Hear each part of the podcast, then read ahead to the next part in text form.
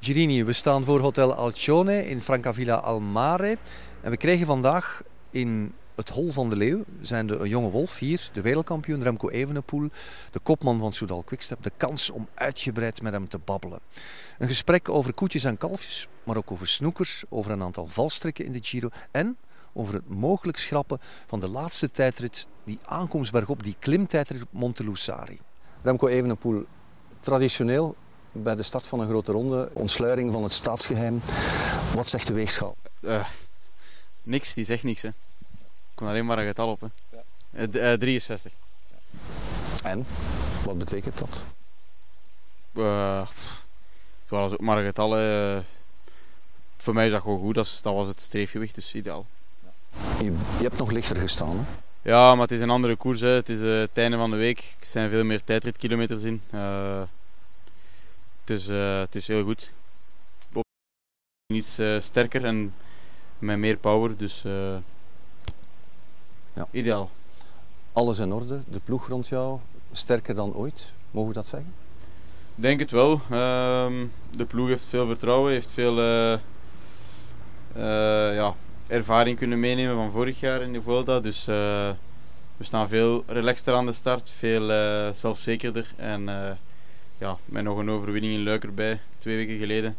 Dan maakt het allemaal nog een beetje gemakkelijker om de Giro te starten. Dan moesten de resultaten er niet geweest zijn. Ja. Hoe zit het met het coronaspook bij jullie, bij Jumbo-Visma? Is dat een en ander? De vervanger moet nu zelfs vervangen worden? Ja, ik heb het al, al gehoord is niet echt positief nieuws natuurlijk om de Giro mee te beginnen. Dat zal wel. Het is tegen dat het bij hun een beetje rondspookt. Uh, dus laten we ons hopen dat het snel stopt en dat het peloton niet binnen vijf dagen gehalve gehalveerd wordt. Maar bij ons gaan er zoals anders.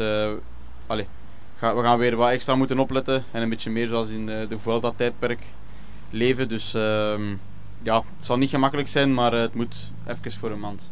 Welke protocols volgen jullie binnen de ploeg daarvoor? Uh, ik denk dat we al gaan beginnen met straks naar onze presentatie met masker te gaan. Ik denk dat dat direct een goede statement is. Um, en voor de rest, uh, goh, het ook een beetje laten afkomen. Hè. Je kunt moeilijk uh, alles weer gaan, gaan afsluiten, want ja, we hebben er ook een beetje mee moeten leren leven. Maar het is wel een tegen dat het terug aan het rondgaan is in het peloton een beetje. Maar van zodra er eigenlijk veel volk bij komt te kijken, zoals wat ik vanavond wel verwacht, denk ik dat het misschien wel slim is om uh, uh, de handshell weer mee te nemen. Uh, misschien geen handtekeningen uit te delen of met een eigen pen. En tussen het volk wel met masker op ja. staan. Je hebt in het verleden wel eens een coronabesmetting gehad. Zegt de teamarts dan, je hebt extra immuniteit? Goh, geen idee. Daar hebben we niet echt bij stilgestaan voor het moment. Ik denk dat we er ook niet om moeten gaan stressen dat er genoeg andere zaken voor de deur staan. Maar uh, ja, als we ook gepakt worden, dan zal het zo zijn. Dus het gewoon op ons laten afkomen en hopen dat het heel snel stopt binnen het peloton. Ja, die periode tussen Luik en nu, kan je samenvatten hoe je die overbrugd hebt? Uh, goed getraind, goed gerust, goed gegeten en ja, mentaal alles even doen vergeten om hier zo fris mogelijk aan de start te staan. Ja, dat klinkt als het recept Luca Bressel. Ja, ik heb denk ik wat meer getraind dan dat hij heeft gedaan. Dus ik heb wel... En ik ben ook niet naar feestjes geweest. Dus het is iets, iets strikter en iets, moet ik het zeggen, um, meer met, de met de riem vastgemaakt geweest ja. naar hier toe. Want ja, het gaat nodig zijn voor drie weken. Ja.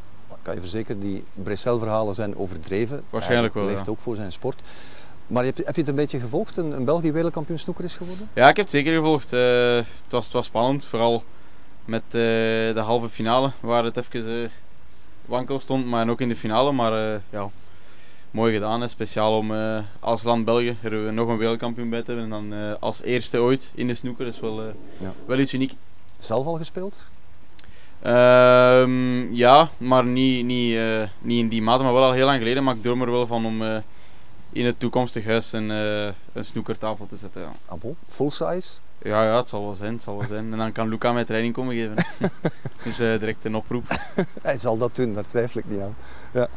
Um, ter zake, het begint met een tijdrit. En dan denkt iedereen, Remco Evenepoel, of toch veel mensen denken dat, gaat die roze trui veroveren. Want de Remco Evenepoel van nu kan zelfs de allerbeste Ganna verslaan. Uh, goh, laat ons hopen. Het zou heel mooi zijn om, om daar de Giro mee te starten. Dat zou meteen uh, veel druk wegnemen van die ritoverwinning. Uh, en een eerste leiderstrui wordt niet vaak vergeten in een grote ronde.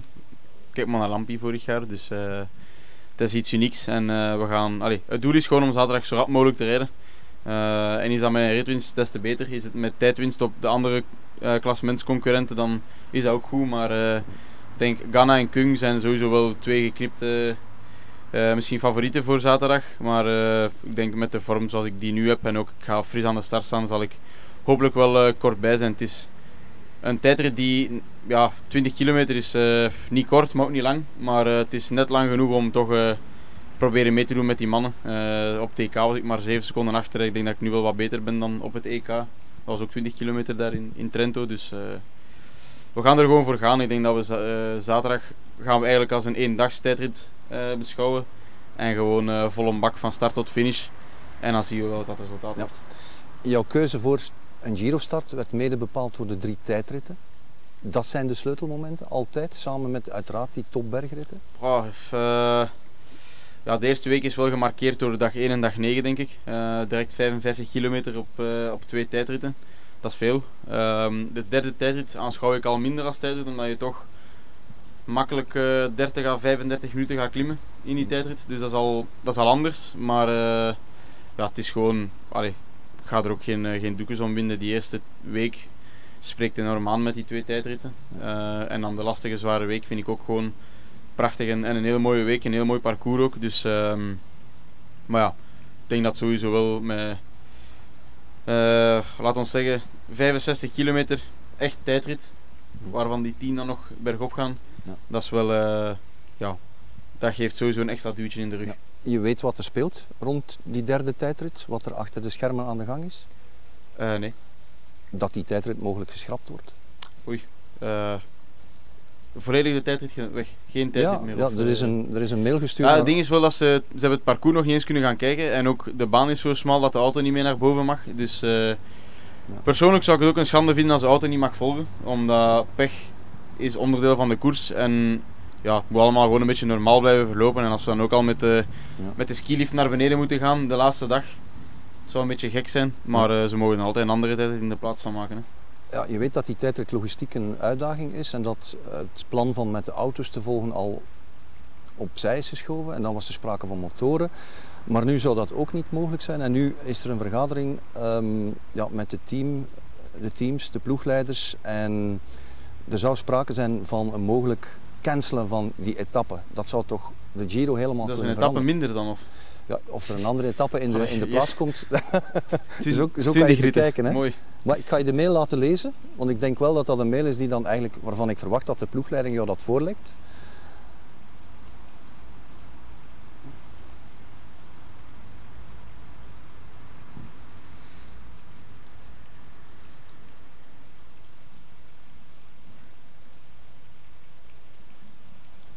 Dat is toch vrij spectaculair. Ze kunnen nog altijd aan de voet rijden. Hè, ja. Dat is nog 11 kilometer, dat is ook een optie. Hè, ja. ja. Daar zeg je geen nee tegen. Wat die rit volledig cancelen vind ik misschien wel wat, wat zwaar, maar ze kunnen nog altijd iets anders van maken. Hè. Als ze drie tijdritten willen, kunnen ze nog altijd 15 kilometer of 20 kilometer doen, hè, daar in de vallei. Dat, is, dat, is, dat, gaat even lastig, maar, het gaat, maar het is wel waar dat uh, logistiek gewijs is het echt niet gemakkelijk en is het echt... Uh, kleine schande misschien voor zo'n mooie koers. Ja. Misschien is het tegen dan natuurlijk al allemaal beslist. Het Regime de Lavaredo, daags voordien, ja, dat is een berg. Ja, maar toch, 5 kilometer aan 15 procent als je echt geparkeerd staat, sta je echt geparkeerd. Dus uh, het is sowieso een heel zware tijdrit. Uh, ik heb er ook nog wat specifieke training op gedaan op die, op die laatste tijd om dat wat te simuleren, maar uh, wow, we gaan wel zien. Ik denk, dus... dat is de allerlaatste rit. We gaan wel zien wat ze daarvan... Allee, klassementsrit. Ja we gaan wel zien wat er van komt. Maar van mij moeten ze er de tijdrit niet schrappen, maar misschien wel ja. eens nadenken over hoe dat ze het logistiek allemaal gaan doen. Want als ze al met de motoren niet naar boven kunnen, dan gaan ze ook al geen podium kunnen zetten boven. En, allee. Het is jammer dat ze daar nu mee met die beslissing komen, want dat hadden ze al langer kunnen beseffen ook, denk ik. Ja. Ja, mocht het zover komen, dan verandert dat uiteindelijk wel de grote finale van de Giro. Ingrijpend. Ja, misschien wel, hè, misschien wel. Maar uh, ja, ik denk wel als ze iets gaan vinden om het een beetje gelijkaardig te doen en dat er daar genoeg klimmen in de buurt zijn dat ze kunnen bovenaan komen en in de vallei met de tijdritfiets gaan. Dus eh, ik ver, ja, het hangt ervan af dat ze die rit helemaal gaan schrappen. Dat, maar ik verwacht niet dat ze geen rit 20 gaan. Ja. Allee, er moet sowieso een rit 20 Ja, zijn. tuurlijk. Dus eh, ja, ja. ja, we gaan wel zien. Ehm, in de planning staat momenteel een tijdrit. Dan vind ik dat er een tijdrit moet voor Ja. in de plaats gezet worden. En het liefst gelijkaardig als deze, maar wel op een parcours dat gewoon bereidbaar is voor alle soorten Ja. voertuigen. Het feit dat je ploegleiding jou niet meteen op de hoogte brengt van zoiets dat achter de schermen speelt, is dat om jou af te schermen? Eh, nee, ik denk dat dat ook is omdat ze nu naar die meeting zijn, dat ze misschien niet wisten of zo. Nog niet. Ja, het is een Maar, mail, eh, mail van Ah ja, drie dagen geleden. Ah, dus, ja. Ja, ik wist wel, Bram had wel gezegd dat er wat speculaties waren, maar ik wist nog niet dat het in, in, deze, eh, in, allee, in deze staten was. Maar ja, we zien wel. Ik denk dat de, dag, de rit van de dag ervoor is iets waar we meer moeten mee bezig zijn dan die tijdrit zelf. Maar ja, moest het gecanceld worden, die rit, zou ik het vrij logisch vinden. Omdat momenteel ligt er nog zoveel sneeuw op die berg. Er ligt nog niet eens asfalt op dat pad. Dus eh, het is nog een hele taak om daar... eh, Koers te geven. ja, om daar echt een koers op te laten passeren. En dan alleszins de laatste rit, allee, laatste echte klassementsrit van de Giro. Dus eh, we zien wel. Maar als het veranderen, dan liefst een tijdrit die gelijkaardig is, maar op een normaal parcours. Wie heeft de sterkste ploeg in deze Giro, als je de opstellingen ziet? Eh, op papier zou je zeggen Ineos, denk ik. Ineos en Bahrein, maar eh, ja, ik denk dat onze ploeg eh, waarschijnlijk qua waarde veel minder waard is, maar qua sterkte minstens even sterk is. We hebben een heel gebalanceerd team. Vijf echt goede klimmers, met mezelf inbegrepen, en dan drie rouleurs. Dus ja, ik denk dat we echt een heel uitgebalanceerde ploeg hebben die op alle parcoursen mee kan doen. En dat is ook de bedoeling. En ja, nodig in deze Giro. Heb je nagedacht over wat je gaat doen of wat de ploeg gaat doen wanneer je de eerste roze trui zou veroveren? Ja, moest ik zaterdag de roze trui nemen, dan is er sowieso een plan om het een van de dagen daarna proberen weg te geven. Ik denk dat de ideale rit rit 4 zal zijn. Eh, want rit 3 verwacht ik dat een Mats Pedersen of eh, Michael Matthews de rit wil proberen te winnen. Maar eh, rit 4 is daarvoor een ideaal scenario, denk ik. Maar eerst moet ik zaterdag nog, eh, nog proberen Ja. winnen dan. Hoe gebrand ben jij op die allereerste roze trui? Eh goh ja, wel sowieso gebrand om een goed resultaat neer te leggen en proberen mee te doen om te winnen. Maar ik weet ook dat als Kung en Ghana, en vooral Ghana, zijn dag heeft, dat hij bijna onklopbaar is. Ehm, maar we gaan ervoor gaan. Ik ga gewoon van punt A naar B zo rap mogelijk rijden. Eh, het hoofddoel moet zijn om tijd te nemen op de andere klassementrenners. Maar eh, ja, die roze trui zit er zeker in. Dat denk ik dat, dat, dat ik dat wel mag zeggen. Maar ehm, ja, we zien wel. Zo snel mogelijk van punt A naar punt B rijden. Je doet het simpel klinken. Het is ook zo, dat is een tijdrit gewoon zo rap mogelijk. Maar... En ook zo rap mogelijk tot in Rome geraken. Hè. Hopelijk als rapste, maar eh, dat is nog heel ver. Snufjes, nieuwtjes, je tijdritfiets, kleine aanpassingen? Niks. Niks. Nee, niks. Ja. Niks, niks, niks. Niet, niet meer in de windtunnel geweest sinds eh, vorig jaar. Dus ik ben ook eh, van UCI fietsmaat 1, dus ik mag niet veel aanpassen. Ik zit binnen de, de beperking, allee, beperkingen, eh, binnen de maten, dus ik kan niet echt nog iets aanpassen. Ehm, voor de rest, nieuwe schoenen. Nieuwe schoenen. Al gezien? Eh, ik veronderstel met regenboog. Ja, zit iets van eh, heel subtiel, maar een cadeautje van Specialized. Dus het was normaal de bedoeling om ze met Luik al mee te koersen, maar het is voor, voor de Giro geworden. Maar Ja. wel een mooi cadeautje.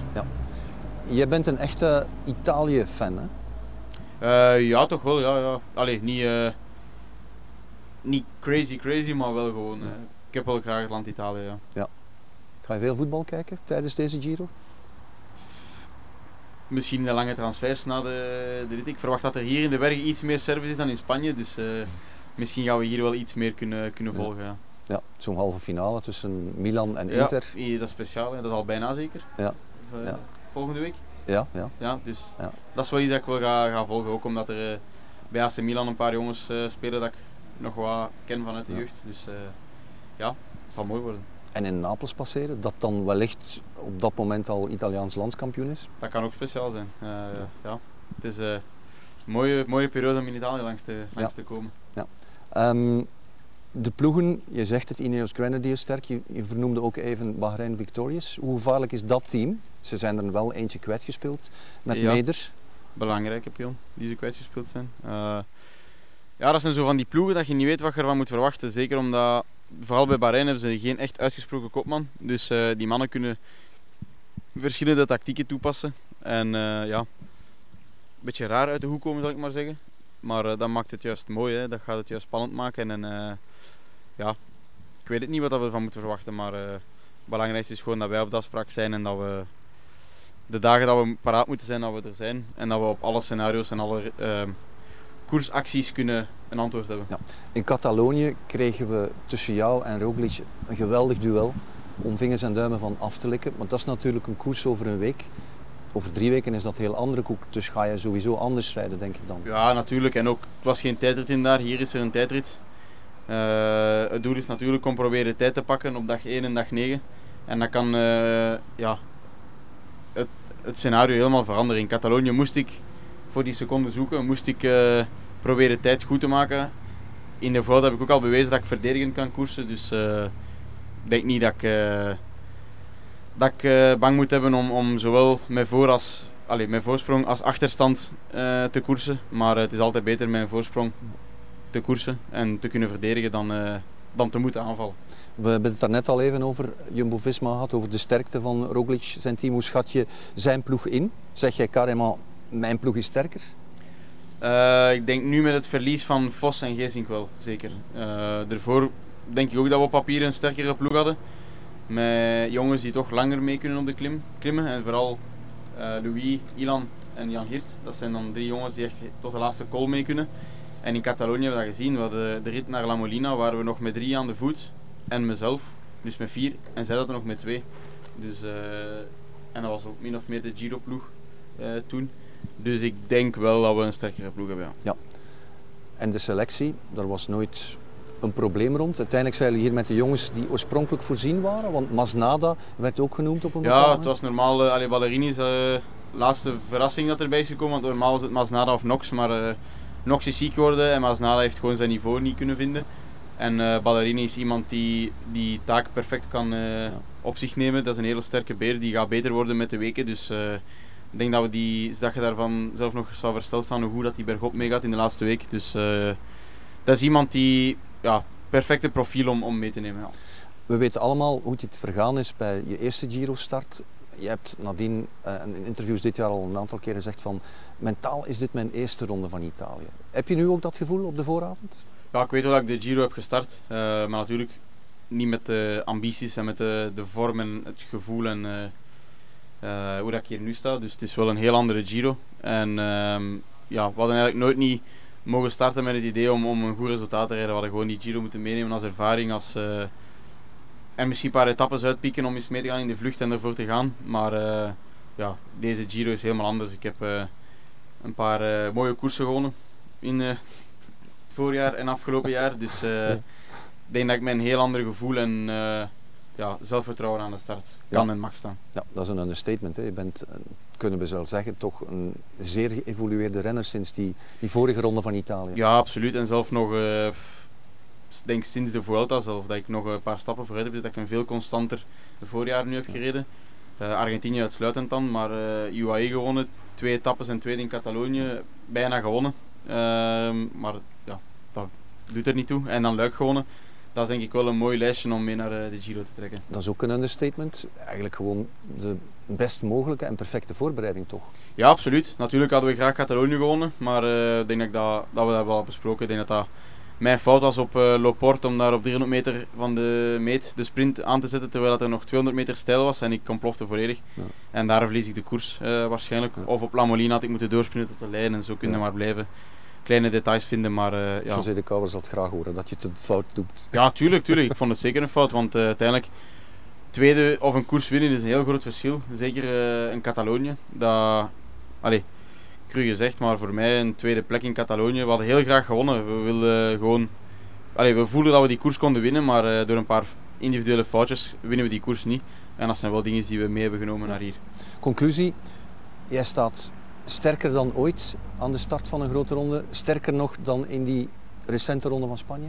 Ja, ik denk het wel. Um, ja, ik denk het wel. Ik heb gewoon specifieker gewerkt op het tijdrit en uh, klimwerk. En uh, minder op het, uh, het punchywerk, zoals het vorig jaar in de Vuelta misschien wel wat meer was. Want daar waren de aankomsten boven soms wat korter en iets steiler. Maar nu zijn ze langer en, en iets gelijklopender. Dus eh, ja, het is, eh, is een ronde die, die me normaal moet liggen. Eh, zeker met de eerste week met de tijdritten en de niet super lastige bergritten. Dus uh, laat ons hopen dat ik in de eerste week goede tijdritten kan rijden en dan in de laatste week uh, goed bergop kan rijden. Vandaag grote kop in de organiseerde krant La Gazzetta dello Sport. Remco Evenepoel. Ik ben hier om te winnen.